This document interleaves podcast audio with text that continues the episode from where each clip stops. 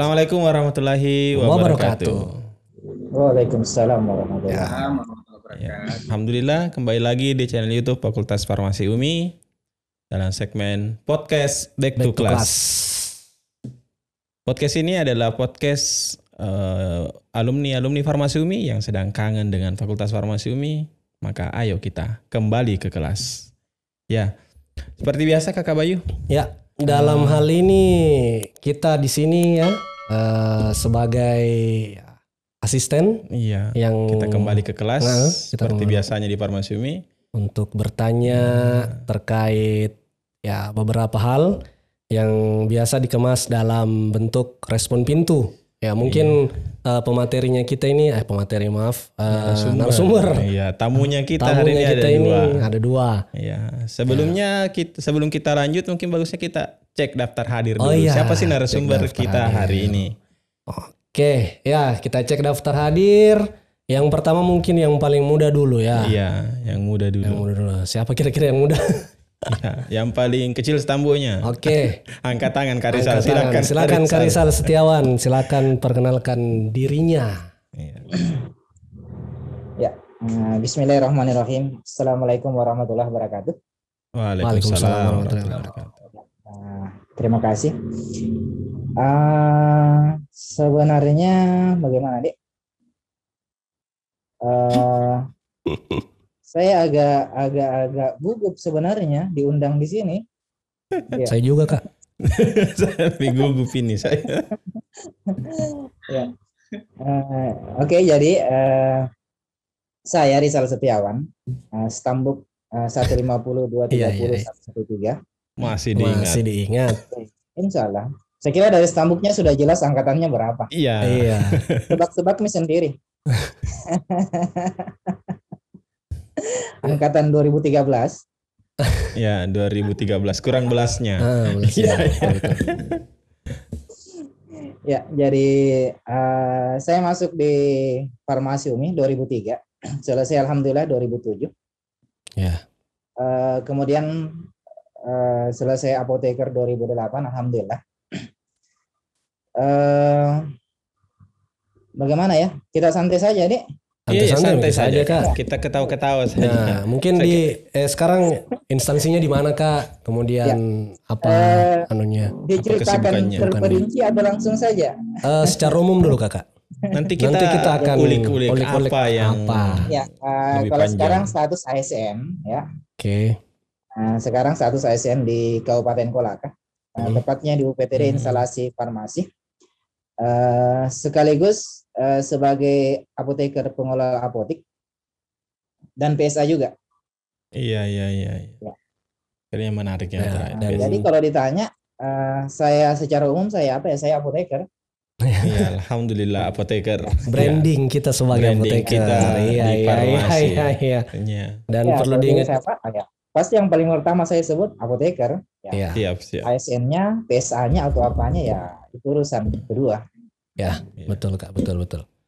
Dan perlu diingat. Eh, sebagai ASN mungkin sudah kisaran 11 tahun.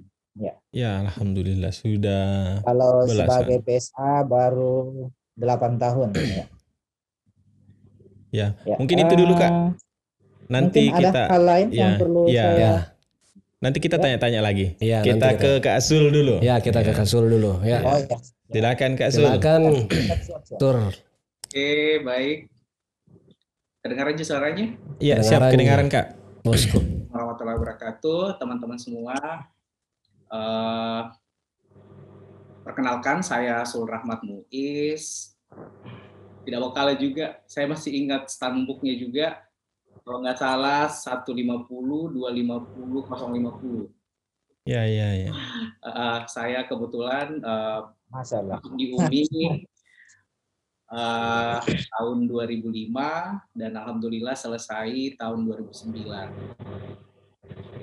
Kemudian apa tadi ya? Ya sekarang eh, kesibukan sehari-hari eh, saya mengelola sebuah klinik swasta, klinik Pratama tepatnya di Kabupaten Polewali Mandar, Sulawesi Barat. Ya. Ya.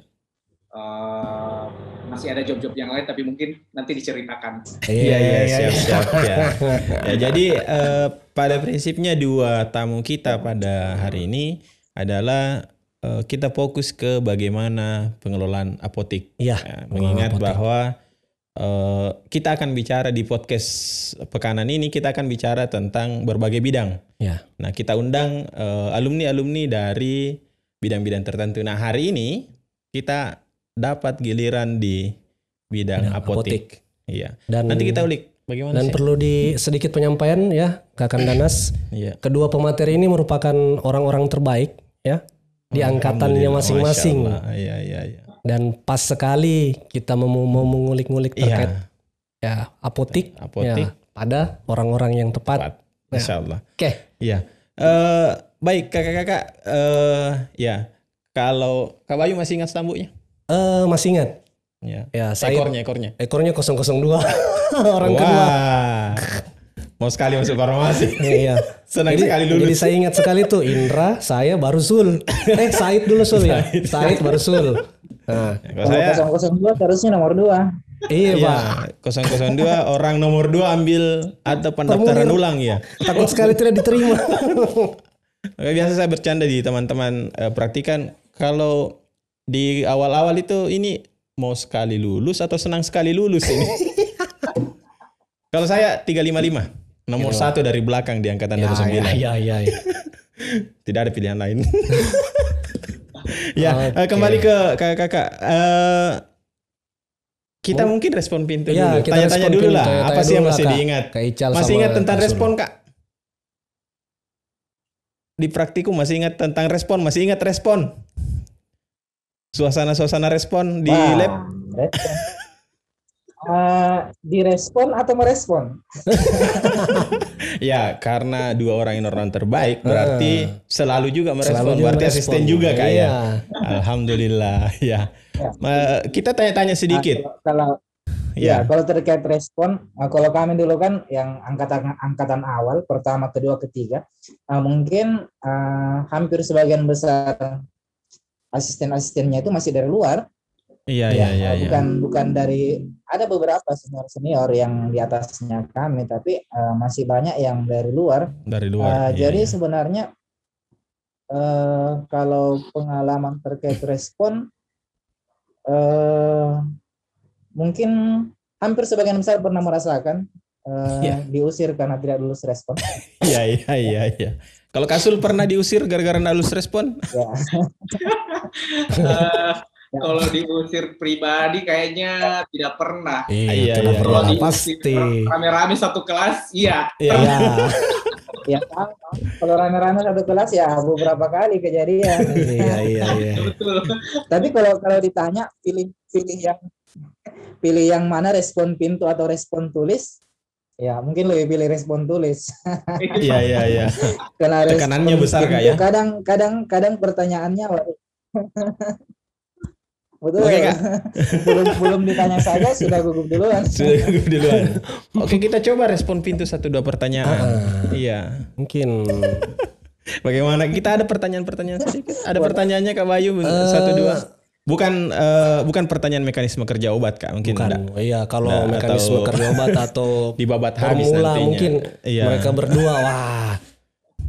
Iya. Apa nomor kira-kira? satu, apa pertanyaannya? Kak? Eh lupa kayak yang tadi pertanyaannya apa itu. Oke, nomor satu Kak. Masih ingat asisten yang pertama kali keluarkan kakak, baik itu satu kelas atau Ya. perorangan?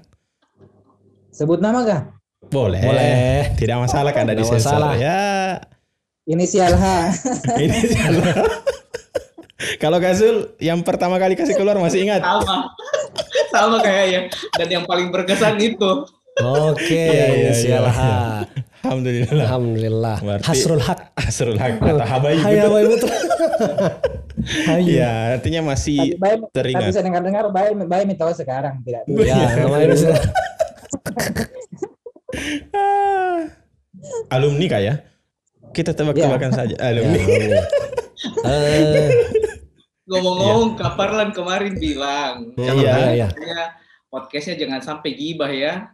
Oh, iya. Nah, eh, prinsipnya begini kak kemarin kita eh, cerita-cerita dengan Pentia. Prinsipnya eh, podcast-podcast ini selain berbicara tentang eh, kalau kembali mengenang masa-masa kuliah berarti eh, katanya ada kisah yang belum selesai. Ya. Oh, itu iya. satu. Yang kedua maka kita kembali bernostalgia atau bernostalgia. Hmm. Tapi enggak, enggak, enggak sampai bagaimana lah ya. Kita kita cuma mengenang. Oh, ternyata masih ada yang diingat ya di siap berkesan Jangan sekali tuh. juga, Nanti ada ada hal-hal bahaya yang terjadi. Iya iya iya nanti lah. Iya, iya. Terus ya selanjutnya Kak Sul, lab yang pernah membatal apa? Lab yang pernah eh, dibatalkan, Iya. Masih ingat Kak Lep Masih yang ingat? pernah batalkan yang membatalkan praktikumnya?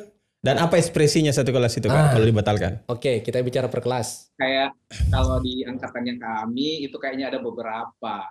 Ya. Tapi yang paling parah dan tidak pernah saya lupa. enggak bisa dilupa. Ini uh, tanda kutip bahwa tidak bisa dilupakan bukan karena Ya. Ya. hal negatifnya, tetapi di situlah mungkin uh, apa kalau menurut saya sekarang bahwa itulah yang mendewasakan kita sebenarnya. Wah. Titik balik ya, Iya, titik iya. balik. Iya iya iya. Lep apa itu Kak kira-kira? Bisa di Parto, Tidak apa-apa kita ya Bagaimana ekspresinya Kak satu kelas? Hore atau sedih? Uh, waktu itu bukan sebenarnya praktikum, tetapi ujian ya kalau tidak salah. Ya, ya. Hmm. Karena kita tidak jadi uh, laporan besarnya, Ya. Laporan lengkap. Iya iya. iya. laporan lengkap ya betul, laporan lengkap. Akhirnya uh, kita batal ujian hari itu, tapi alhamdulillah masih dikasih kesempatan untuk perbaiki. Iya. Uh, di hari lain baru ujian. Tapi terkesan ya. Kesan sekali. Sangat berkesan. karena Ya, terkesan. karena anak-anak semua panas. Ya, ya. Iya iya. Itu iya. Anak-anak semua panas Anak-anak ya. Semua panas. Kalau yang depan saya Kak ikut panas tidak? Jangan ditanya kalau itu. Iya iya. Iya, iya. Kalau Kak Rizal yang paling diingat Kak Yang paling diingat karena Himadipo dengar-dengar juga Himadipo ini ya luar biasa kisahnya Iya, juga. Luar biasa kisahnya. Dari cerita tadi sudah kalau anak-anak Himadipo itu kalau dikasih keluar lab kayaknya semuanya senang. Senang. Iya. Ada temannya kelasku ini kalau begini Oh, nih. tenang sampai-sampai kelinci mati. Ya, ya, ya. Oh pasti ceritanya Dede itu. Ya. eh, Kejadian di kos itu. oh iya iya iya. Oh, iya iya iya. Sampai menangis asisten Kak ya. Kasih, Iya. merokok sampai mati. Ya itu, itu juga eh, kita tanya Kak Dede karena pantas bukan cuma asisten yang dikerjai, bukan cuma mahasiswanya dikerjai tapi kelincinya juga Kelincinya dikasih merokok luar biasa. Kadang-kadang dulu itu kelinci yang sudah dipakai berkali-kali sama Iya. eh, kelas lain ya kita pakai lagi jadi pasti profilnya akan akan kacau. Berbeda ya. Iya iya. Pro- Iya Kak. Profil darahnya pasti kacau. Iya. Oke, sekira untuk tanya-tanya itu Lulus nah, respon. lulus respon. Iya. Eh sekarang semuanya sudah alhamdulillah. Nah, Apa sih Kak? Eh, kenapa buat apotik? Kenapa bangun klinik begitu? Eh, siapa dulu? Kak dulu. dulu. Apotik. yang lebih muda dulu. Iya. Ya, eh, jadi sebenarnya kalau mau cerita ya, Iya. eh, sebenarnya sempat pesimis awalnya eh, bisa buat apotik atau tidak. Eh, Iya. Saya kira eh, mungkin teman-teman sering dengar ada ada pernyataan yang sering keluar kalau mau kaya jangan jadi PNS. Ya, Iya, sekarang iya, kan iya. ASN ya. Iya iya iya. Nah, Memang betul gaji gaji 2 juta 3 juta kira-kira bisa untuk apa? Iya, iya. Nggak bisa untuk apa? Ya alhamdulillah waktu itu beberapa tahun setelah jadi SN dapat lokasi. eh, sebenarnya awalnya kalau saya ditanya berminatnya di mana, sebenarnya saya berminatnya akademisi. Iya, Iya. betul betul sekali. Nah, teman-teman yang lain, anak-anak Himadipo semua semua tahu kalau saya sebenarnya Iya. minatnya akademisi. Iya, iya. Ya, tapi kenyataan berkata lain. Betul Kak. Waktu itu eh, salah satunya memang terkendala biaya untuk lanjut lagi ya. Iya. Nah, setelah dipanggil pulang, dipanggil pulang ke kampung, ya Kolaka, ya, kampung saya Kolaka. Ya, alhamdulillah lulus ASN waktu itu. Ya, sebenarnya tidak seret juga, tidak seret juga lulus ASN karena eh, ya itu kata-kata itu yang terngiang di kepala saya. Kalau mau kaya jangan jadi PNS. Iya, enggak bisa kaya ya kalau jadi PNS. Ya. ya, jadi kalau ditanya motivasi motivasi apa uh, saya membuka apotek? Saya kira panggilan panggilan seorang apoteker pasti. Iya. Larinya ke sana. Ya, kalau bukan akademisi pasti praktisi. Praktisi. Ya. Nah, jadi alhamdulillah waktu itu dapat lokasi. Awalnya sih ragu karena berdasarkan analisa SWOT, saya kira teman-teman semua tahu SWT, SWOT itu Iya, apa. iya, iya. Ya, ya. Eh, tempat yang saya dapat waktu itu sangat tidak layak untuk dibuat apotek. Ya, sangat tidak layak. Ya, kenapa? Tidak ada, tidak ada, eh, tidak ada fasilitas umum di sekitarnya. Ya, walaupun jalan poros, tapi sudah ada jalan alternatif yang dibuat yang menghubungkan antara dua kecamatan yang ramai. Ya, jadi Ya. yang lewat di depan lokasi saya itu ya tinggal tinggal ya dihitung-hitung lah berapa. Uh, tapi karena memang uh, dimulai dari niat yang baik, ya, jadi saya kira semuanya harus kita mulai dari niat yang baik. Ya, alhamdulillah sekarang uh, sudah punya dua apotik. Alhamdulillah. Uh, iya. Progres apotik yang ketiga, insya Allah mudah-mudahan dimudahkan. Ya. Iya, amin, amin. Jadi sebenarnya awalnya semua itu dimulai dari niat yang baik. Iya, Ya. iya. Ke belakangnya itu, eh, ke depannya itu ya urusan Allah Subhanahu Wa Taala. Iya, Yang penting berani memulai dulu, Kak ya. Itu intinya. Berani Banyak teman-teman, banyak teman-teman sebenarnya yang ingin sekali buat apotik tapi tidak bisa move on. ya, paling sering ditanya apa? Dana. Ya, paling Iya. seringnya dana. Nah, saya juga pribadi kalau mau ditanya sih ambil dari dana dari mana? Ya, saya tidak punya saya tidak punya uang yang besar. Ya, waktu itu saya cuma bermodalkan lokasi saja, punya lokasi. Ya. Ya, kecil-kecilan. Waktu itu alhamdulillah mungkin waktu itu kan eh, aturan tentang obat belum terlalu ketat seperti sekarang ya. Iya, iya. Uh, zaman saya itu waktu pertama kali buat apotik, ya kita masih bisa panel antara apotik yang satu dengan apotik yang lain. Kalau sekarang kan sudah tidak bisa. Iya, iya. Ya, uh, sekarang aturannya sudah ketat sekali ya. Sudah Jadi dulu, mulai ketat kembali ya. ya, ya. Jadi dulu Tapi- itu, uh, ya apa yang habis hari ini saya cari besok. Iya, iya, iya. Ya, saya tidak pernah Sistemnya punya. sesederhana itu ya. Nggak ada stok ya. Tidak stok ada stok. banyak. Jadi Iya, kadang, iya, iya. kadang misalkan kalau pasien carinya pagi, ya, eh, saya butuh ini. Oh ya, sebentar sore ada. Saya carikan di apoteknya teman. Saya belikan iya. satu strip di apoteknya teman, baru saya Iya. belikan. ya. Saya Baik Kak, untuk eh, nanti kita lanjut mengenai apa sih teknik-tekniknya Teknik-teknik, ya. bagaimana Oh, memajukan ya. Ya. Tapi begini, Ya, saya ada sedikit pertanyaan dari Kak Ical. Untuk Kak Ical, Ya, ya. dari Kak Ical. Untuk Kak, Kak Rizal ya. Ini Kak Rizal saya sta, eh, stalker stalker sedikit di Facebooknya. Ini apotik Setiawan Group of Himadipo. Kenapa harus ada namanya itu di ya, Ada itu, itu. Himadiponya Ada ya? Himadiponya, Kak. Kayak begitu ya. Kira-kira apa eh, dasarnya Kakak sebagai pemilik sarana mencantumkan Group of Himadipo itu, Kak? Ya. Ya, eh, iya, saya berani mencantumkan itu karena saya kira eh, sebagian besar karakter saya, sebagian besar kepribadian saya dibentuk eh, selama empat tahun di farmasi umum. Ya. Iya, iya, iya. Jadi teman-teman Himadipo itu ya bisa dibilang ya sebagian besar eh, dari hidup saya yang membentuk saya. Ya, tanpa mereka mungkin ya tanpa teman-teman di Himadipo, tanpa farmasi umi, farmasi umi, mungkin eh, ya saya tidak seperti sekarang ini. Betul, betul. Iya, iya, iya, iya. Ya, saya tidak akan bisa hilangkan eh, kata-kata Himadipo itu ya. Iya. Ya bahkan dulu teman ada yang buat eh, toko alkes namanya juga Himadipo. Jadi mungkin Itu saya tahu, itu saya tahu. Nanti kita cari orangnya. kita tanya lagi. Wakil ketua kita. Oh iya iya. Eh, baik Kak, untuk sementara mungkin begitu nanti kita lanjut lagi dengan pertanyaan ini. Ya, Mungkin ya. Kak Kak Zul, Sul, ya mungkin Kak Sul. mengapa pilih klinik Kak Zul? Mm-mm. Ah, iya. Em, panjang juga ceritanya kalau mau cerita sebenarnya bagaimana sejarahnya. Tapi eh, klinik yang ada sekarang itu juga berawal dari eh, apotik kecil. Mm. Iya iya. Saya eh, apa namanya eh, berani untuk eh, memulai waktu itu. Sama mungkin dengan Kak Rizal tadi ceritakan bahwa eh, apa namanya eh, banyak teman-teman yang eh, mungkin berpikir bahwa memulai usaha itu butuh modal besar. Sebenarnya tidak.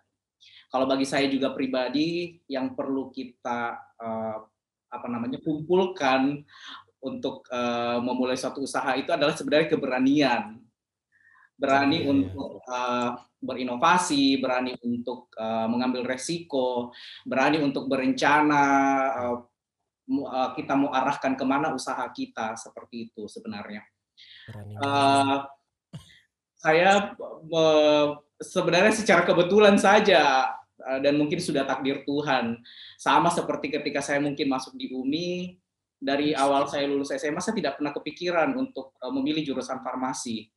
Ya, seperti mungkin pada umumnya anak-anak yang lulus SMA uh, yang menginginkan uh, jurusan favorit itu kan Iya, yang itu. seperti itu. Tapi karena gagal akhirnya Singgahnya di farmasi. memilih- Ya, masuk ke farmasi dan memilih untuk di farmasi UMI karena kebetulan kakak saya uh, waktu itu kuliah di UMI juga di fakultas Iya, uh, favorit itu. Namun uh, ya itu tadi seperti Kak Rizal juga saya tidak pernah uh, menyesali bahwa saya uh, memilih untuk kuliah di UMI di farmasi UMI, tetapi malah saya bersyukur karena eh, ternyata di situ saya eh, apa namanya pung- eh, apa dibekali dengan ilmu-ilmu eh, yang baik, eh, kemudian lingkungan yang bagus. eh, apa karakter saya mungkin dibentuk dari tempaan eh, melalui tahap Iya. lab yang kita lewati, eh, terus kemudian eh, asistensi yang begitu sangat eh, ya waktu itu mungkin kita berpikir menguras sekali ini menguras tenaga pikiran waktu tetapi ternyata itu yang membuat kita jadi tangguh kalau menurut saya Hmm, ya. jadinya tangguh setelah kita uh, lulus dari itu semua. Nah, uh, kembali tadi kenapa memilih memilih untuk uh, berusaha be- apa uh, berbisnis atau uh, memilih untuk membuka apotik. Sebenarnya juga itu pelarian Ji. Tidak seperti dengan Ah. Kak Rizal uh, setelah diminta sama orang tua untuk pulang kampung ikut tes uh, CPNS waktu itu tidak berjalan mulus seperti waktu mendaftar juga kuliah. Saya tidak lulus kebetulan. Akhirnya ya eh, saya minta sama orang tua bagaimana ini apa saya mau kerja apa ini di kampung. Eh, akhirnya eh, saya konsultasi masih masih komunikasi dengan beberapa dosen yang ada di kampus di farmasi Iya, UMI iya. waktu itu kebetulan eh, sama saya enggak apa-apa ya saya sebutkan namanya Ya, apa-apa, silakan nggak apa-apa, silakan, enggak apa-apa, Kak. Lina Kak Lina ya Kak Lina Iya. yang jadi WD berapa ya sekarang ya Wakil dengan satu, satu. dengan satu. Iya. dengan satu itu sangat eh, bagi saya itu sangat berjasa sekali Kak Lina itu kasih saran katanya kebetulan Kak Lina itu orang Polman juga Iya, iya, iya. Orang Uh, Polman. Polman. Jadi saya banyak di- setelah selesai ini saya banyak diskusi sama beliau. Alhamdulillah beliau kasih saran katanya kenapa tidak buka usaha saja? Kan toh kita itu profesi memang tujuan akhirnya adalah uh, memiliki apotik begitu. Uh, terus saya tanya-tanya nih yang soal yang tadi bagaimana dengan modalnya kak? Nah akhirnya waktu itu dis- dikasihlah uh, saran-saran eh, banyak. Jadi waktu itu kodong karena memang juga sebenarnya kalau memang mau besar juga bisa, tetapi eh, seperti itu tadi Kak Rizal bilang, lihat dulu kondisinya. Jangan kita mengadakan obat banyak-banyak sementara permintaan tidak seperti yang eh, maksudnya Iya. tidak sesuai dengan lingkungan kita. Mm-mm. Jadi eh, waktu itu disiasati nih dengan cara-cara eh, teknik-teknik tertentu ya Iya. uh, display lah uh, kotak-kotak obat, kemudian ternyata di obat yang tersedia itu cuman hanya beberapa saja. Iya. Nah, sambil jalan, sambil kita catat apa kebutuhan masyarakat yang ada di sekitar kita. Kalau memang belum ada, jangan bilang ke pasiennya tidak ada saya punya. Bilang ki eh, lagi habis. Mungkin hari Iya, dua iya. hari ada Betul, Mi, ya. Baru di situ kita beraksi mencarikan ke mana. Nah, Iya. sama sama Kak Rizal waktu itu kan Betul, memang belum ini Kak ya. Uh, uh, jadi saya juga banyak panel dari kalau Ya. misalkan saya dapat uh, apa namanya ada pasien yang cari obat tertentu, ya saya bilang mungkin uh, besok atau lusa baru ada. Nah, saya usaha nih cari ke mana-mana. Akhirnya uh, seperti itulah jadi berjalannya waktu. Uh, terus satu lagi tekniknya, karena memang uh, di zaman itu, eh di zaman itu, Lahir di zaman berapa bos? 2012 2012 itu peralihan eh, apotek-apotek di Polman itu belum ada apotekernya yang betul-betul standby Iya. paling satu dua orang lah kalau ada Ah, akhirnya eh, saya mengam eh, apa namanya triknya itu adalah kita standby di tempat kita standby di Hmm, tempat dengan iya. eh, berusaha untuk bagaimana membekali diri kita dengan eh, ilmu-ilmu yang kira-kira ketika ada orang yang datang mencari obat kita usahakan berikan konsultasi Mm-mm. Ya pelayanan kayak. Pelayanan. apa, yang mereka uh, Ya. butuhkan itu kita usaha berusaha bagaimana caranya memberikan solusi bagi mereka. Iya. Iya iya iya iya. Dan Kira kayak- dan kayak- alhamdulillah sudah meningkat pesat. Iya. Iya, Sudah jadi alhamdulillah pertama. uh, berjalan satu tahun lebih Ji. kurang lebih satu Iya, tahun. luar Dari biasa. omset tahun. yang saya dapatkan itu saya bisa beli tanah. Untuk Masya membangun yang lainnya lagi. Masya Luar Allah. biasa tuh. Iya iya iya. iya. tanah sendiri karena waktu itu apoteknya masih kecil saya numpang di ada kebetulan kayak ruko-ruko kecil punyanya orang tua saya numpang di situ Uh, satu tahun lebih alhamdulillah saya bisa beli tanah dua pet eh satu petak sih satu petak dulu nanti tahun berikutnya baru saya saya beli Luar lagi. biasa satu tahun satu petak. Mm-mm. Iya iya iya. Satu tahun satu petak. Iya. Ya. Satu petak Masya kecil. Allah. dan sampai sekarang alhamdulillah sudah jadi klinik Iya. Iya. iya. Iya. Eh, luar biasa. Iya iya. Jadi dua dua narasumber kita hari ini memang luar biasa Luar karena biasa. mulai eh, keberanian dimulai dari keberanian kayak berani mengambil keputusan, berani membuka. Mm-mm. Ya, kalau di beberapa apa eh, salah satu sebenarnya output atau salah satu yang dibawa alumni Farmasi Umi kalau dari yang selama ini kita wawancarai Hmm. adalah eh, keberanian itu didapat keberanian untuk mengambil langkah itu didapat semasa kuliah. Iya. Dan tadi barusan saya dapat juga, maksudnya untuk teman-teman yang yang menonton, Iya. jadi ada dua yang bisa kita ambil. Yang pertama itu kita branding, branding. Yang pertama yang dibilang tadi sama Kak Ical. Kak Rizal. Branding kita siapa. Kemudian eh, dari ya, kemudian dari Kak Sul itu sendiri bahwa ya eh ndak, ndak harus ada keberanian Ya. dan itu pasti tetap Dan berani. Pasti tetap berani. Ya, baik Kak. Eh, alhamdulillah sudah sukses dengan apotik dan klinik. Eh, apa sih titik baliknya? Apa yang dibawa dari farmasi Umi Kak untuk eh, men- menjadi pendorong besar misalnya? Apakah ada ada yang memang menjadi apa ada yang memang dibawa dari farmasi Umi yang menjadi motivasi besarnya untuk langkah yang diambil itu Kak? ya mungkin Kak Zul dulu. Kak Zul dulu. Kita gantian. Oke, baik. Kalau dari saya, bagaimana ya?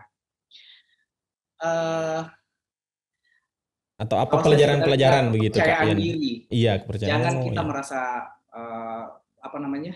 Kan jujur ya, kalau pasti eh, semuanya mungkin merasakan bahwa eh, kalau kita alumni dari kampus swasta itu seperti apa?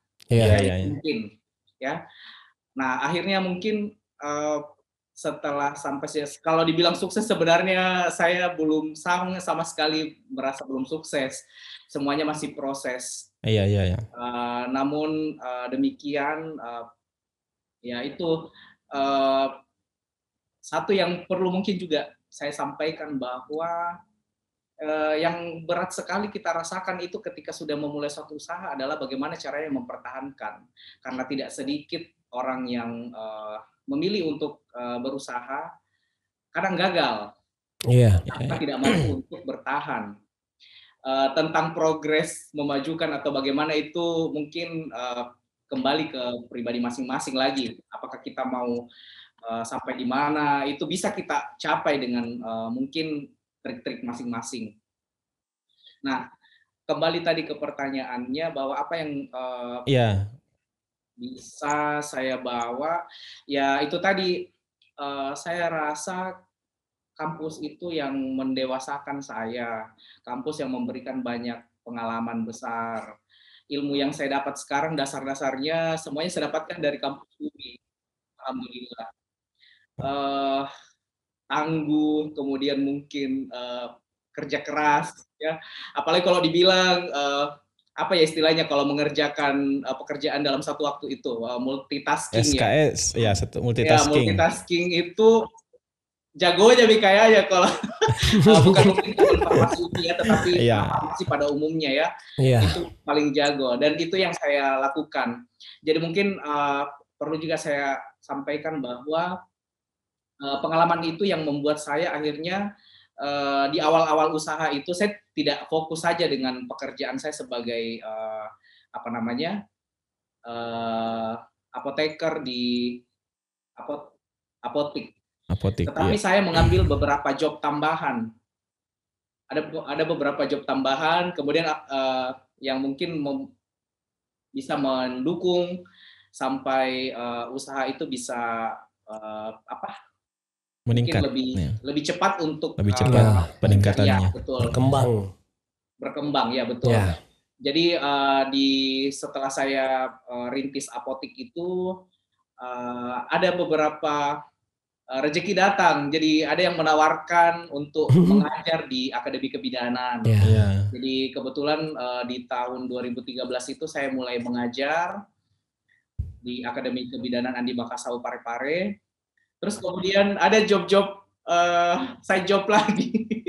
Iya. pekerjaan-pekerjaan mingguan. Kebetulan eh, teman angkatan kami, eh, saya sebutkan namanya Azwar Daniar itu Ya. waktu Iya. itu punya link di Nestle, Nestle Hmm. wilayah Makassar. Jadi eh, Nestle itu mencari eh, istilahnya eh, apa namanya? Eh, jadi ada eh, expert ya yang yang turun ke lapangan untuk memberikan edukasi kepada ibu-ibu bagaimana cara mengasuh anak yang baik, eh, memilih nutrisi yang baik, eh, sambil membawa branding mereka. Iya. Nah itu pekerjaan itu saya kerjakan di weekend. Jadi saya mondar-mondar mandi eh, Polewali Makassar itu selama dua tahun 2013 dan 2014. Hmm. Tapi banyak juga pengalaman akhirnya Iya, dari situ banyak pengalaman. pengalaman karena kita di training juga sebelum terjun ke lapangannya. Seperti Iya. itu. Jadi em, apa ya semuanya sejalani saja dan Iya. itu mungkin bisa akhirnya eh, menjadi dinikmati karena kita sudah terbiasa dulu di Terbiasa. kampus Iya, iya. iya. eh, apa namanya mengerjakan satu pekerjaan lebih dari satu dalam satu waktu begitu. Iya. Sudah ada mengetiknya, menulisnya, ada Iya, lagi baca betul. bukunya, Belum lagi menghafalnya. belum lagi menghafalnya. Iya. Jadi Belum selesai praktikum sudah pikir kuliah tugas kuliah luar biasa. Baik, terima kasih Kak Sul untuk eh, bagi bagi ininya. Kemudian Kak Rizal, ya. Ya.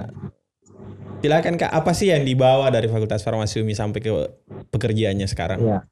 Iya. Saya kira banyak ya. Iya.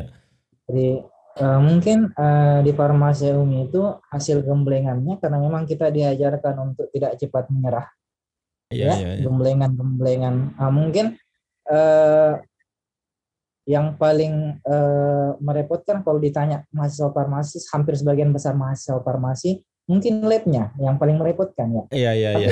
Ya. Eh, dengan dengan dengan adanya hal-hal yang seperti itu kita eh, kita di eh, secara tidak langsung diajar untuk eh, ya ya Ya, tidak ya, ya. cepat putus asa ya Eh, kemudian eh apa Eh, jangan malu menyuara- menyuarakan ya bahwa kita ini alumni farmasi umi Iya, iya. ada beberapa teman-teman yang kadang minder ya menyebutkan hal tersebut. Saya kira jangan ya. Kita harus kita harus eh, selain branding kita sebagai apoteker ya, kita juga harus apa? mensosialisasikan bahwa kita ini alumni dari farmasi Uni. Iya, Iya. iya, iya. Ya, bahwa inilah inilah inilah alumni-alumni dari farmasi Uni ya. Bisa bersaing setelah lulus dari perkuliahan. Iya, iya, iya. Ya, saya kira eh, sangat banyak, sangat banyak hal yang berperan eh, eh, dari farmasi umum yang kita dapatkan yang bisa menjadi bekal kita eh, menjadi apoteker seutuhnya nantinya. Iya, iya, Ya. iya. Kalau zaman zaman zaman saya dulu kan Umi belum ada apotekernya, seandainya mungkin dulu Umi ada, Ada apotekernya mau lanjut di UMI juga, Kak? Iya pasti. saya kuliah di situ, ya. Iya. Iya, iya, iya, iya. Ya, kalau mungkin diceritakan ya awalnya memang saya tidak tertarik farmasi. Iya. Iya. saya tidak tertarik farmasi, saya lebih tertarik perawat. Seandainya mungkin Iya. dulu di UMI itu ada perawat, ya mungkin saya sekarang jadi perawat. Ya, tapi mungkin takdir Allah Subhanahu wa taala mengatakan lain, ya kadarullah. Iya. Ya. Ya, ternyata yang ada waktu itu kesehatan yang yang farmasi ya masuk di situ ya alhamdulillah Ya, mungkin ada beberapa orang-orang penting yang sangat berperan di farmasi Uni yang Hmm. bisa menjadikan saya seperti ini Iya, iya, iya. ya jadi ya mungkin uh, dalam hal ini saya ingin mengucapkan uh, banyak terima kasih ya sekarang beliau sudah jadi dekan ya Iya, iya, iya. Iya. beliau yang pertama kali memanggil saya untuk masuk ke kimia Hmm, Iya, iya. salah satu. Jadi dulu asisten kimia kak ya? dan kimia. Iya, iya, iya. pertama kali beliau beliau eh, yang memanggil saya pertama kali kemudian berikutnya ya eh, Kak Mira Iya. ya sangat eh, besar jasa beliau dan yang tak terhingga juga Karusi. Yang lainnya Oke, ya Iya, iya. tapi eh, yang paling berperan besar eh, mungkin eh, selama di sana ya mereka mereka ini. Ya jadi mereka yang Iya, eh, selain teman-teman Himadipo ya mereka juga yang membentuk membentuk karakter-karakter eh, saya secara pribadi. Ya jadi kalau ditanya apa peran farmasi Umi saya kira sangat besar ya Nah, Iya. mungkin kalau saya tidak berkuliah di farmasi Umi mungkin semangat saya tidak sebesar sekarang ini Tidak sebesar sekarang ini. besar sekarang ini. Iya. Jadi banyak eh, selain daripada apa namanya eh, kekuatan mentalnya ternyata eh, rezeki berikutnya adalah kenalan-kenalannya kak ya, lingkaran-lingkarannya yang sangat Serta- berperan. Serta kekuatan fisik. Kekuatan fisik. Iya. Ya. Ya, Im, kalau, kalau, kalau mungkin dulu teman-teman eh, teman-teman itu enam labnya eh, saya 12 lab tuh Ya, saya kira cuma teman-teman itu yang Betul sekali. 12.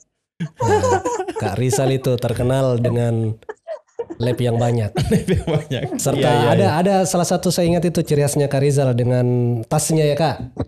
Ada isi di dalam tasnya itu dan itu setiap hari Kak Rizal bawa. Makanya itu Apa saya itu, bilang Kak? berapa tekun be- be- apa setekun tekun sekali nih Hmm, iya, senior iya. satu ini. Apa isinya tuh? Ya, Saya penasaran.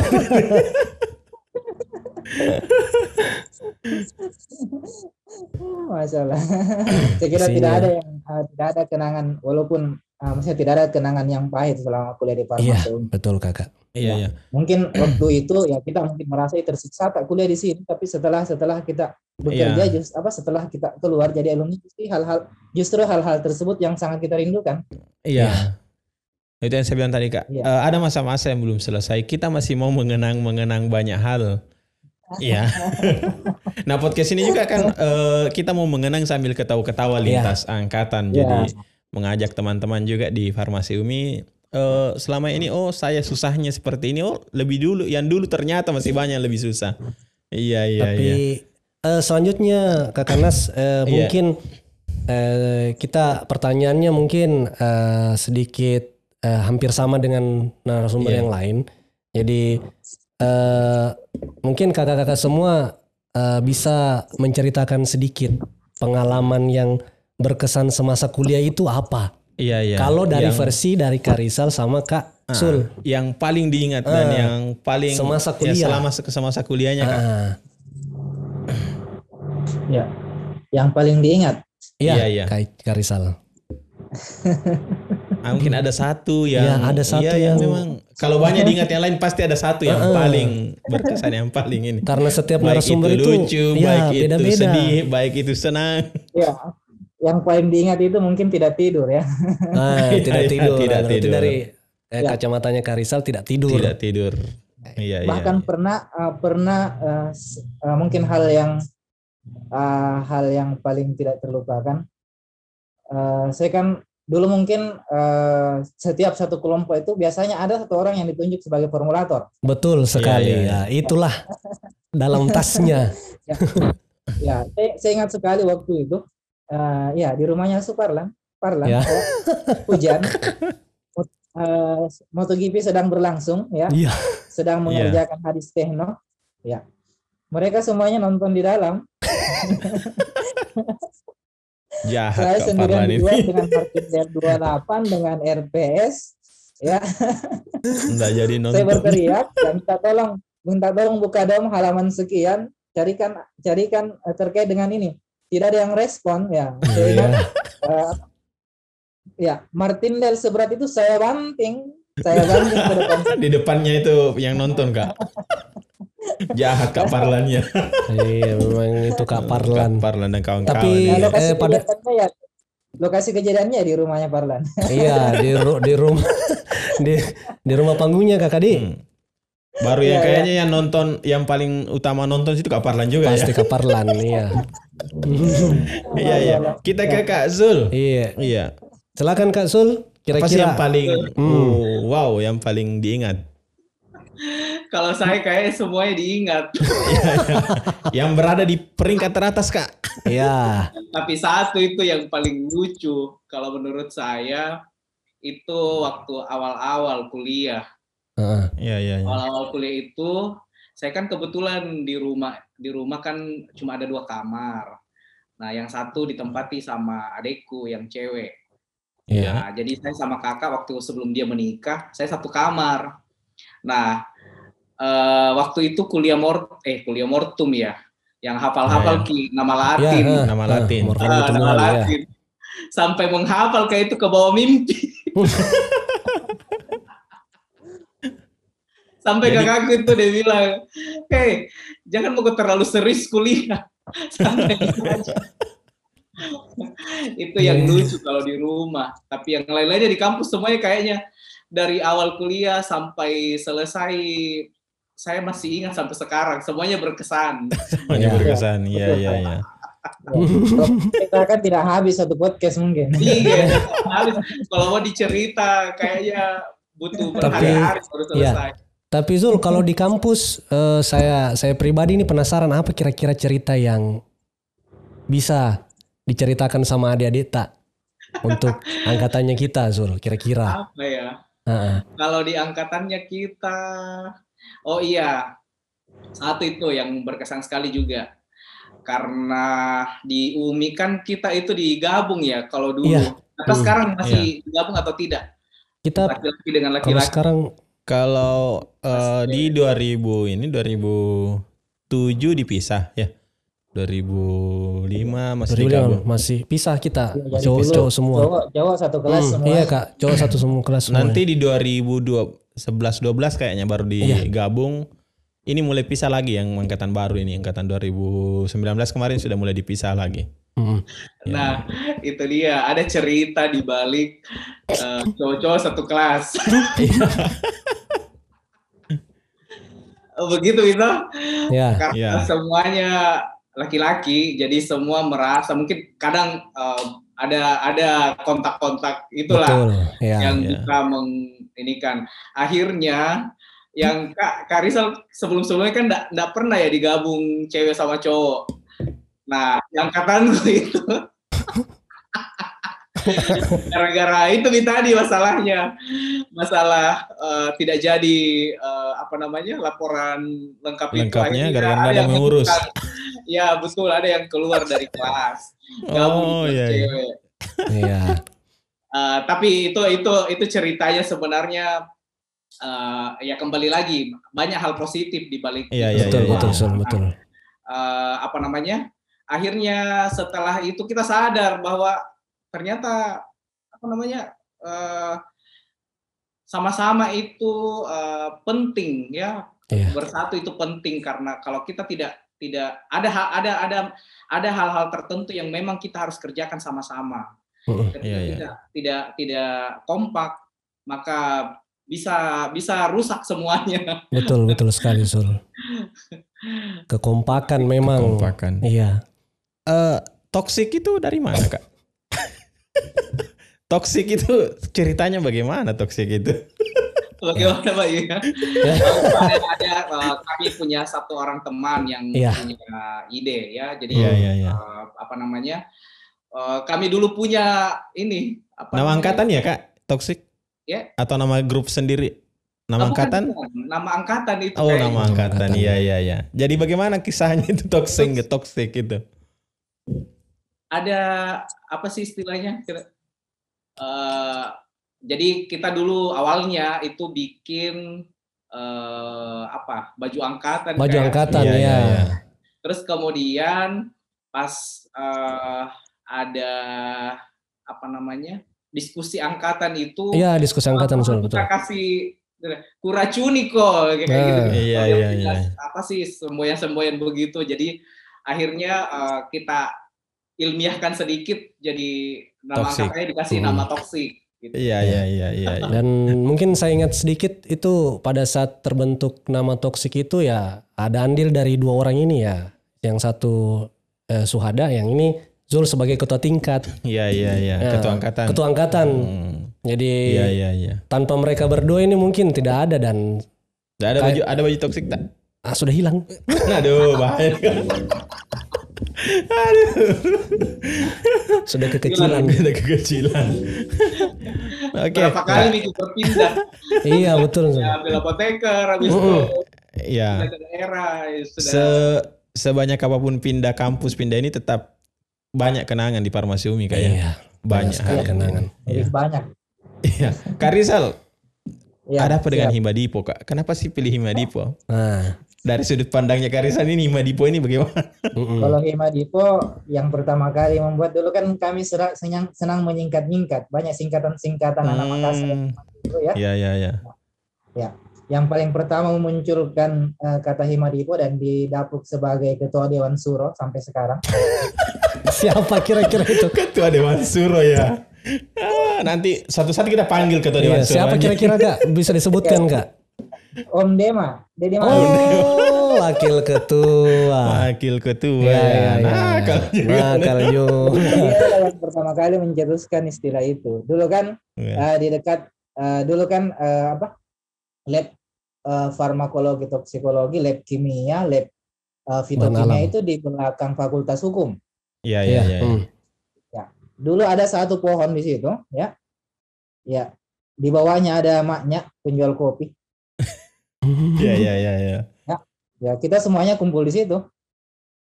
Ya, jadi Ya. suatu ketika ya muncul istilah ini semua mi Himadipo, himpunan mahasiswa di bawah pohon.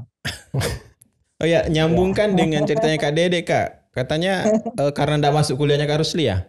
Iya, betul. Karena kumpul semua di situ. Ya, Gara-gara kumpul di bawah pohon, ya, kumpul di bawah pohon ya, muncullah istilah lupa itu. kuliah. Ya, dan sampai sekarang ketua Dewan Suro tidak pindah-pindah tempat. Semua Ah, nanti ketemu sama Nanti. Ketua Dewan Suro Ya, ini. Nanti kita bikin edisi khusus ketua Dewan Ketua Suro. Dewan Suro Himadipo. ya, Di toksik ada cuma- ya, cuma untuk istilah anak-anak W4 ya, cuma untuk anak Iya. cowoknya waktu itu. Mm-mm. Iya, Walaupun iya, iya. ada tamu-tamu kehormatan tapi ya itu dibahas di luar. Ya, ya, ya. Tamu-tamu kehormatan. Kalau toksik Kak, ada Dewan Suronya juga. Ya kalau Dewan Suro jelas lah. Dua orang Dua ini. orang ya. ini. Ya, ya, ya, ya.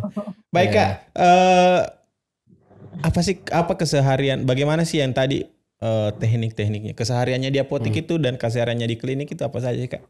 Kita perlu mungkin ceritakan sedikit apa yang kita kerjakan selama Iya. mengelola apotek dan mengelola klinik ini untuk adik-adik. Minimal Iya. jadi bahan pertimbangan. Oh, ke depan saya akan seperti ini. lah. Mm-mm. Ya, ya. Ya, siapa dulu? Kesehariannya. Ya kita mau dulu Kak. Iya, iya. ya, jadi eh, Sudah tiga, menuju tiga kak ya, menuju tiga apotik. Insya Allah ya sementara Ya, progres. GMB. Iya, iya, iya, iya. Ya. Ya, mudah-mudahan dilancarkan ya. Amin. Kalau tidak selesai tahun ini amin. mungkin tahun depan insya Allah. Keseharian mengelola apotik itu kak bagaimana ya? Silakan. Eh, sebenarnya sekarang eh, saya lebih lebih inginkan apotek saya nantinya itu autopilot sebenarnya. Oh ya, iya. tanpa iya. ada saya, ya tanpa ada saya semuanya bisa berjalan. Ya, Mm-mm. itu itu itu angan-angan saya ya. Iya, Angan-angan iya, saya, iya. Tapi kalau saat ini belum, ya belum karena saya masih status sebagai pengelola di apotek yang pertama. Ya di apotek yang kedua ada teman yang kelola juga. Eh, walaupun semua koordinasinya ada sama saya. Iya, iya, iya. iya. Eh, jadi mungkin eh, saya kira itu kalau apoteker pasti namanya tidak akan lepas dari apotek. Iya. Iya. Ya, namanya apoteker ya. Asal asal muasal kata apoteker kan dari apotik. Ya, jadi sekira kita tidak akan lepas dari itu ya. Jadi kalau misalkan teman-teman ingin membuat apotik yang paling utama itu saya kira adalah niat ya kemauan ya masalah walaupun kita tidak mengesampingkan biaya ya biaya juga dibutuhkan Iya, iya. iya. Eh, kemudian eh, branding kita sebagai apoteker, ya ini yang paling penting. Iya. Ya, jangan jangan sampai tidak ada apotek di apotek.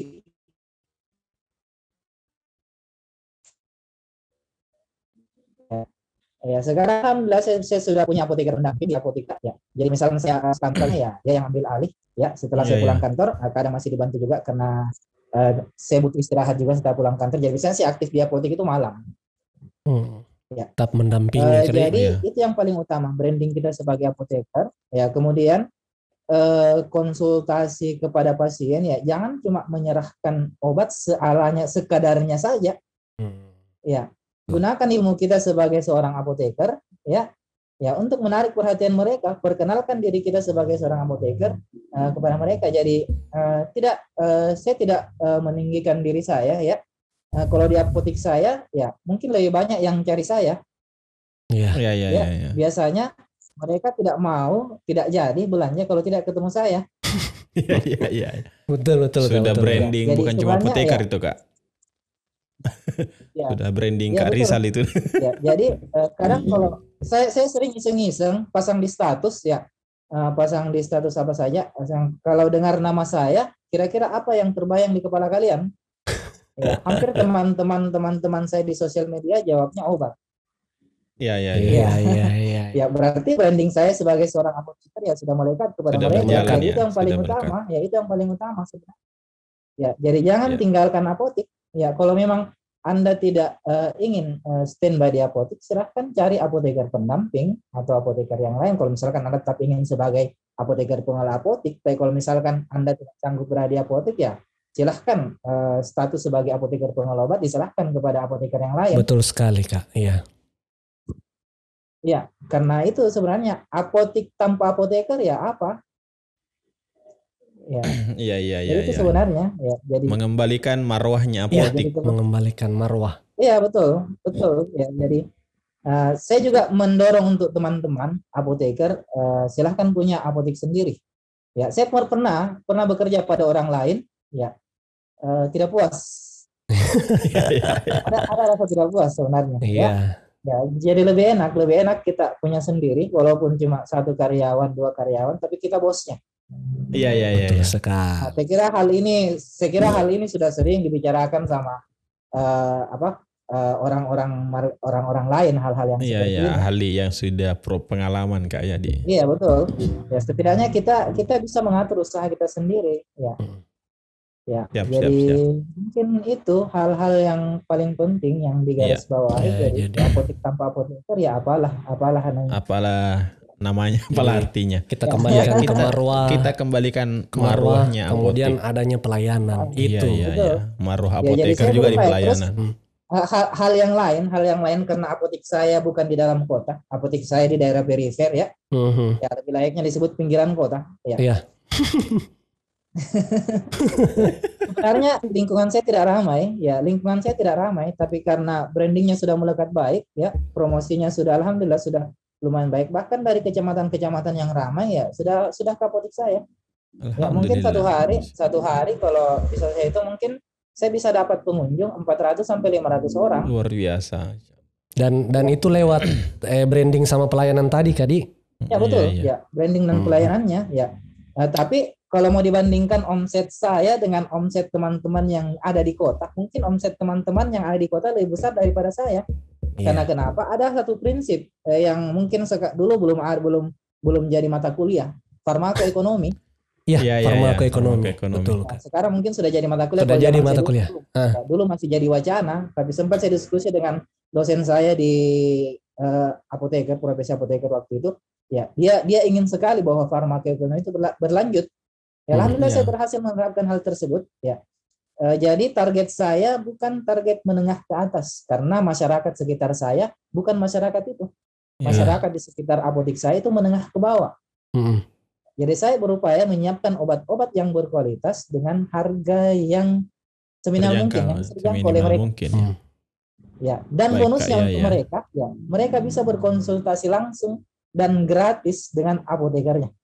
Iya iya iya. Ya, Brandingnya itu apoteker bonusnya untuk mereka. dikembalikan. Iya iya. Ya, jadi farmakoekonomi itu bagaimana caranya kita menyediakan obat atau pengobatan dengan biaya yang seminimal mungkin. Seminimal mungkin. Dan Alhamdulillah saya berhasil Man- menerapkan itu. Ya, nah, belum bisa dibilang berhasil juga ya. Mulai mulai masih mulai proses menerapkan hal itu mulai ya. Jadi menerapkan, saya bilang ya. tadi kalau mau dibandingkan dibandingkan omset saya dengan omset yang teman dengan teman-teman yang ada di kota, ya omset saya mungkin rendah. Tapi Mm. Dibandingkan jumlah kunjungan, ya saya menang di situ. Menang. Ya, dan saya Iya, saya iya, bisa iya. pastikan yang sudah pernah berbelanja di apotek saya pasti akan kembali mencari saya. Oke. luar biasa. Luar biasa. Baik, eh, kita ke Kak Zul. Ya. Iya. Apa sih Kak kesehariannya dengan mengelola klinik? Uh, jadi uh, sama juga mungkin. Ini dari tadi bisa sama-samakan ini sama. Karena sebenarnya juga posisi uh, apotek saya dan uh, dulu dan sekarang itu tidak berada di ibu kota kabupaten ya. Saya juga uh, berada di pinggiran kota. Jadi uh, itu juga mungkin uh, yang dari niat awalnya sama ya, disampaikan tadi sama Kak Rizal bahwa eh, targetnya itu adalah bukan kalangan menengah ke atas tetapi eh, menengah dan mungkin menengah ke bawah. Itulah yang mungkin mendasari saya waktu itu eh, bagaimana caranya saya bisa bekerja sama dengan BPJS Kesehatan di Iya, tahun iya, iya. 2014 itu. Karena kita tahu bahwa eh, apa bagaimana caranya kita bisa eh, memberikan akses eh, pengobatan gratis begitu ke masyarakat. Eh, kita datang dengan eh, memberikan pengobatan gratis dan tentunya eh, kita tidak dirugikan karena apa hitung-hitung kita kan pendatang baru juga belum Iya. punya modal besar untuk bisa memberikan eh, hal-hal apa sesuatu yang gratis kepada masyarakat. Nah, waktu itu saya diuntungkan dengan adanya BPJS Kesehatan. Jadi kebetulan juga orang-orang BPJS Kesehatan datang ke klinik dan mengajak untuk kerjasama. Terus kemudian tentang apa hubungannya dengan eh, yang didapatkan di kampus. Ya terlepas dari tadi yang sudah kita bicarakan di awal tentang bagaimana kedisiplinan, bagaimana eh, apa namanya ketangguhan kita di ini, ya itu dia eh, bahwa ilmu-ilmu yang kita dapatkan di kampus itu kita bisa terapkan di eh, apa namanya di keseharian kita di tempat kerja kita. Eh, utamanya itu tadi memberikan konsultasi kepada pasien. Ya sama juga dengan eh, Kak Rizal sampai Hmm. hari ini masih ada beberapa meskipun di tempat saya di klinik saya itu kebetulan masih semuanya dokter umum ada tiga orang. Terus kemudian dokter gigi satu orang. Eh saya masih kadang dikira dokter sama sama. karena dikira dokter dan eh, ada beberapa pasien yang ya kayak begitu tadi tidak mau ki di meskipun eh, itu dari dokter sudah resepnya Ya. dari dokter kalau tidak dijelaskan dulu sama saya bagaimana aturan minum obatnya itu kadang dia merasa kurang puas Iya, jadi betul. akan dicari makanya eh, selama saya ada di sini di, di Polman saya tetap berusaha bagaimana pada saat jam pelayanannya dokter itu saya selalu ada Ya betul. uh, tetap memberikan juga uh, apa namanya uh, pio kepada pasien seperti itu. Iya iya iya. Dan konseling. Betul, ya betul. Itu yang, yang dikiranya dokter itu banyak memang sama. Dan eh, dokter juga alhamdulillah sudah kita sudah punya tiga, dok- tiga dokter juga. Jadi kadang eh, saya eh, kalau misalkan dokter sementara praktek, ya saya biasanya eh, apa tidak muncul di depan. Hmm. Ya nanti pada saat menyerahkan obat pelayanan resepnya baru saya muncul. Karena Iya. kadang ada pasien yang bilang sama kita misalnya aja deh jam kamu masuk di dalam. itu yang itu yang ya bikin apa? Eh, bikin tidak nyaman sebenarnya. Iya. Hmm. Ya bagaimana dokter ada hal-hal yang apoteker tidak bisa mensomedikasi. Iya. Iya. Betul Kak. Ya itulah kenapa kenapa apotek saya bekerja sama dengan dokter ya karena itu ya eh, batasan-batasan kita sebagai seorang apoteker itu ada. Ya, somedikasi itu ya cuma untuk hal-hal ringan yang tertentu, tidak semuanya bisa Iya, iya, ditangani iya. dengan somedikasi. Iya. Tapi karena kadang masyarakat tidak mengerti akan hal tersebut, ya jadi kita harus berupaya mencari cara supaya kita tidak berbentrokan dengan eh, teman kita yang satu ini. Iya, Ya, profesi biar lain. bagaimana biar bagaimana kita punya job description masing-masing ya. Ya dokter itu wewenangnya adalah diagnosa ya. Apoteker itu wewenangnya adalah pengelolaan obat. Pengelolaan obat. ya saya kira kita tidak boleh campur adukan ya. Iya, iya, cocok, Kak. jangan sampai ada ada pasien yang mengira kita lebih jago mendiagnosa daripada dokter ya. Apoteker tidak punya wewenang untuk mendiagnosa. Itu yang mungkin perlu diingat. Banyak banyak juga teman-teman apoteker yang kebablasan Iya. Iya. sebenarnya ya kebablasan ya itu yang harus ditekankan bahwa wewenang kita masing-masing beda Mm-mm. ya untuk Banyak yang terbawa suasana kadi. ya betul betul Mm-mm. untuk diagnosa silahkan eh, berikan ke yang memang punya wewenang untuk itu Hmm. kita wewenangnya adanya di pengelolaan obat pelayanan resep dan lain-lain ya ya itulah sebabnya kenapa apotek saya eh, memutuskan untuk bekerja sama dengan dokter ya supaya betul-betul masyarakat di sekitar apotek bisa mendapatkan pelayanan yang maksimal dalam alhamdulillah dokter yang ada di apotek kami eh, juga bisa di eh, bisa diajak bekerja sama karena kebetulan jiwa sosialnya mereka juga tinggi Iya, Ya, punya sejiwa, Kak, ya. Sejalan. ya mirip dengan visi apotek kami ya Iya. Baik, Kak. Eh ya, Mungkin yang karena banyak sebenarnya Banyak, yang iya. perlu diperbincangkan, banyak hal yang perlu kita tanyakan dan alhamdulillah beberapa poin yang memang kita ulik karena kita hari ini belajar mengenai bagaimana sih alumni farmasi UMI mengelola apotik dan apotik dan kliniknya. klinik. Ya. eh, sudah banyak poin yang kita dapatkan. Nah, mungkin eh yang terakhir apa motivasi Iya, ya? motivasi Bisa un- memberikan motivasi. kepada adik-adik mahasiswa serta harapan kakak-kakak semua eh, pada Fakultas Farmasi ke depan. Ya, Kak Zul, silakan mungkin Ya, Kak Kak Zul Zul. dulu nanti Ya. supaya tidak sama lagi, Kak. Ya, motivasinya Eh, untuk adik-adik. Ya, kalau dari saya mungkin eh, ya tetap semangat buat adik-adik semua yang sudah memilih untuk eh, berkuliah di Fakultas Farmasi UNI. Kalian sudah memilih eh, kampus yang tepat, ya. Ya. Eh, terus kemudian yang kedua, silahkan jalani proses demi prosesnya, ya. Jangan pernah berpikir bahwa eh, apa namanya kalian disusahkan atau kalian diberikan beban ya tetapi itu adalah bagian dari uh, proses yang nantinya mungkin kalian baru akan merasakan bahwa itu sangat bermanfaat ketika kalian sudah melewati jadi tetap semangat uh, tetap bersabar Uh, saya kira uh, tidak perlu ji IPK yang uh, tinggi Iya. sekali ya. Tidak perlu mengejar IPK kita kuliah itu tidak perlu mengejar IPK cukup. Yang penting lulus dengan nilai baik, terus tepat waktu karena kalau menurut saya eh, lulus tepat waktu itu sangat penting. Karena pekerjaan itu bukan kita yang dikejar sama pekerjaan, tapi kita yang akan mengejar pekerjaan. Iya, iya, iya. Makanya harus cepat selesai ya, tepat waktu biar juga efektif ya, tidak tidak membebani orang tua dengan biaya yang banyak seperti Ya. itu. Jadi jalani tetap semangat, banyak berdoa terutama eh, itu ber- banyak berdoa karena eh, apa pun yang kita eh, dapatkan ya, apa pun eh, yang kita lewati, kalau kita banyak eh, apa berdoa, insya Allah semua akan dilancarkan sama Tuhan. Ya mungkin itu dari saya. Ya, Kak. Ya, silakan Kak Rizal motivasinya untuk adik-adik. Ya, jadi motivasinya mungkin saya lagi yang bilang hampir sama.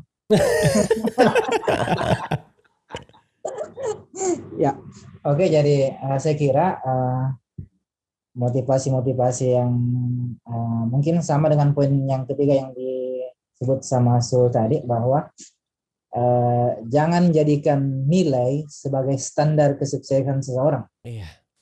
Ya, dalam dalam berkuliah, dalam eh, menempuh bangku kuliah, jangan itu yang dijadikan patokan. Ya, jangan cuma mengejar nilai saja tanpa apa, eh, tapi melupakan bagaimana cara mengembangkan karakter dan kepribadian kita sebagai seorang farmasis. Ya, cukup misalnya waktu itu. Ya, jangan kalian. Cukup misalnya. Jadi berdasarkan pengalaman pribadi merekomendasikan jangan ikut saya. Ya, karena Kenapa tahu kita kak? Termasuk ya karena mengejar Oh, ya itu bukan jaminan, itu bukan jaminan eh, kesuksesan kita nantinya. Ya, Ya, pada ya, saat ya. kita kita kita keluar eh, dari bangku kuliah, ya. Orang tidak pernah bertanya IPK kamu waktu kuliah berapa. Ya, ya, ya, ya. Tidak ada yang bertanya itu. Ya. Eh, bahkan ya saya tidak perlu tidak perlu tunjukkan. Mungkin banyak kita lihat di, di, di lapangan sana teman-teman yang IPK-nya di bawah agak ya mungkin lebih rendah, justru dia berhasil dibandingkan teman-teman yang IPK-nya Iya, iya. eh, di atas itu ya. Jadi ya itu poin yang paling penting eh, dalam dalam eh, nanti adik-adik eh, di bangku kuliah jangan jangan jadikan nilai itu sebagai patokan kesuksesan kalian selama kuliah. Ya, yang perlu kalian bentuk adalah yang perlu kalian buat adalah bagaimana caranya membentuk karakter kepribadian ya dan yang nantinya akan menjadikan eh, adik-adik itu menjadi farmasis yang betul-betul siap tempur di lapangan. Ya. Ya. Eh, kemudian eh, yang kedua, ya eh, semuanya itu harus diawali dari niat yang baik. Ya, semuanya itu harus diawali dari niat yang baik. Kita sholat saja, ya pasti diawali dari niat. Ya. Iya, iya. Kalau awalnya niat kita sudah tidak baik, ya pasti prosesnya akan terhambat. Ya, kalau kita niatnya baik, ya insya Allah akan dimudahkan oleh Allah Subhanahu Wa Taala. Ya. Eh, kemudian yang berikutnya yaitu eh, selalu ikut sertakan Allah Subhanahu Wa Taala dalam kegiatan kita. Iya, iya, iya. Mungkin itu poin-poin yang eh, penting ya sebagai motivasi eh, eh, untuk adik-adik yang di farmasi menjadi jangan eh, jangan berpikir eh, Anda di farmasi farmasi ini tidak sama dengan eh, di universitas lainnya. Justru kita punya nilai lebih Iya. ya. Kita di farmasi UMI itu kita punya nilai lebih. Ya, saya kira sudah disebutkan eh, dari awal podcast tadi nilai lebih apa yang bisa kita dapatkan eh, siap, jika kita masuk di UMI. Iya. Ya, saya kira Oke, mungkin Kak. itu. Iya, terima kasih eh, motivasinya. Ya sebelum kita tutup mungkin perlu kami sampaikan, eh, alhamdulillah kita sudah mau dua dekade. Ya alhamdulillah. Insya Allah nantinya akan ada eh, kegiatan-kegiatan lagi. Eh, mulai dari podcast ini, ini podcast Road to dua dekade. Iya. Kemudian kita akan eh, ada reuni, Insya Allah masih eh, awalnya rencananya virtual, tapi selalu berdoa semoga pandemi mereda supaya kita bisa eh, melakukan dengan sebaik mungkin. Kemudian ada juga eh, IKA insya Allah akan eh, merumuskan kembali kepengurusan dan berbagai banyak kegiatan lagi eh, bersama dengan panitia DKD fakultas. Eh, ada beberapa kegiatan yang akan kita lakukan. Nah, selain itu, Kak Bayu sudah ada apoteker di Farmasi Ya, Umi. Alhamdulillah, Farmasi. Umi sudah ada apoteker. Ya, Dan alhamdulillah. tahun ini diberikan kesempatan membuka kelas internasional untuk S1. luar biasa. Masya Allah. Alhamdulillah.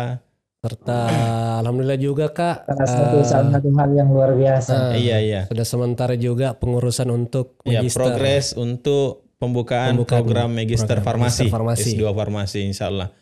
Ya, jadi eh, selama perkembangan ya Kak Sul sama Kak Rizal mungkin tinggalkan Fakultas Farmasi Umi, ada banyak progres yang berjalan dan selalu ditunggu untuk ke Fakultas Farmasi Umi lagi. Iya. iya. Insya Allah. Eh, kapan-kapan bisa duduk langsung di studio ini. Studio ini juga alhamdulillah eh, usaha yang kita bangun di Fakultas Farmasi untuk meningkatkan kualitas baik itu eh, kita hadir di YouTube, kita hadir di media sosial untuk mem- membranding Fakultas Hmm. Farmasi UMI dan tentunya meningkatkan kualitas pembelajaran selama pandemi. Ya, saya kira cukup untuk kali Ya, ini, Mas. Kayaknya eh, s- cukup untuk podcast hari ini ya. Eh, sebelum kita tutup, eh, saya ingatkan kembali lagi kepada teman-teman jangan lupa subscribe channel YouTube Farmasi Umi, Iya. share dan follow akun sosial medianya semua. Iya. Dan Ya. pada kakak-kakak eh, yang sudah hadir sebagai narasumber, terima kasih Ya, banyak. terima Mohon kasih maaf banyak. sudah mengganggu tidur eh, ya waktunya sudah banyak mengganggu kaitannya. Semoga ke depan kita bisa ketemu langsung Iya. dan Dan mungkin, banyak lagi yang harus didiskusikan. Tentunya mengenai apotik eh, tidak lebih putus di spesifik sini. lagi. Banyak yang perlu mengenai klinik. Banyak teman-teman yang lain butuh motivasi untuk bagaimana sih Ah, eh, melangkah keluar zona nyaman Hmm. ya kak. Ya. Bagaimana berani melakukan langkah-langkah yang ya kalau dipikir mungkin selalu dipertanyakan bisa tidak ya Bisa, tidak, iya, bisa tidak, bisa Ya, tidak. Alhamdulillah. Nah, harus bisa. bisa. ah, ah. Alhamdulillah eh, beliau juga sudah punya apotik ya. ya oke saya kira cukup kak. Terima kasih banyak eh, atas waktunya. Terima kasih, Terima kasih sudah bergabung, bergabung. dan sampai jumpa di lain waktu insya Allah. Eh, semoga diberi umur panjang dan kesehatan. Ah. Ya, Amin. amin. Oke, saya Bayu Putra. Dan saya Anas. Salam sehat. Salam farmasi Salam Umi. Farmasi Umi. Ayo kuliah di farmasi Farmasi Umi. Umi. Assalamualaikum warahmatullahi wabarakatuh. Waalaikumsalam. Waalaikumsalam warahmatullahi wabarakatuh.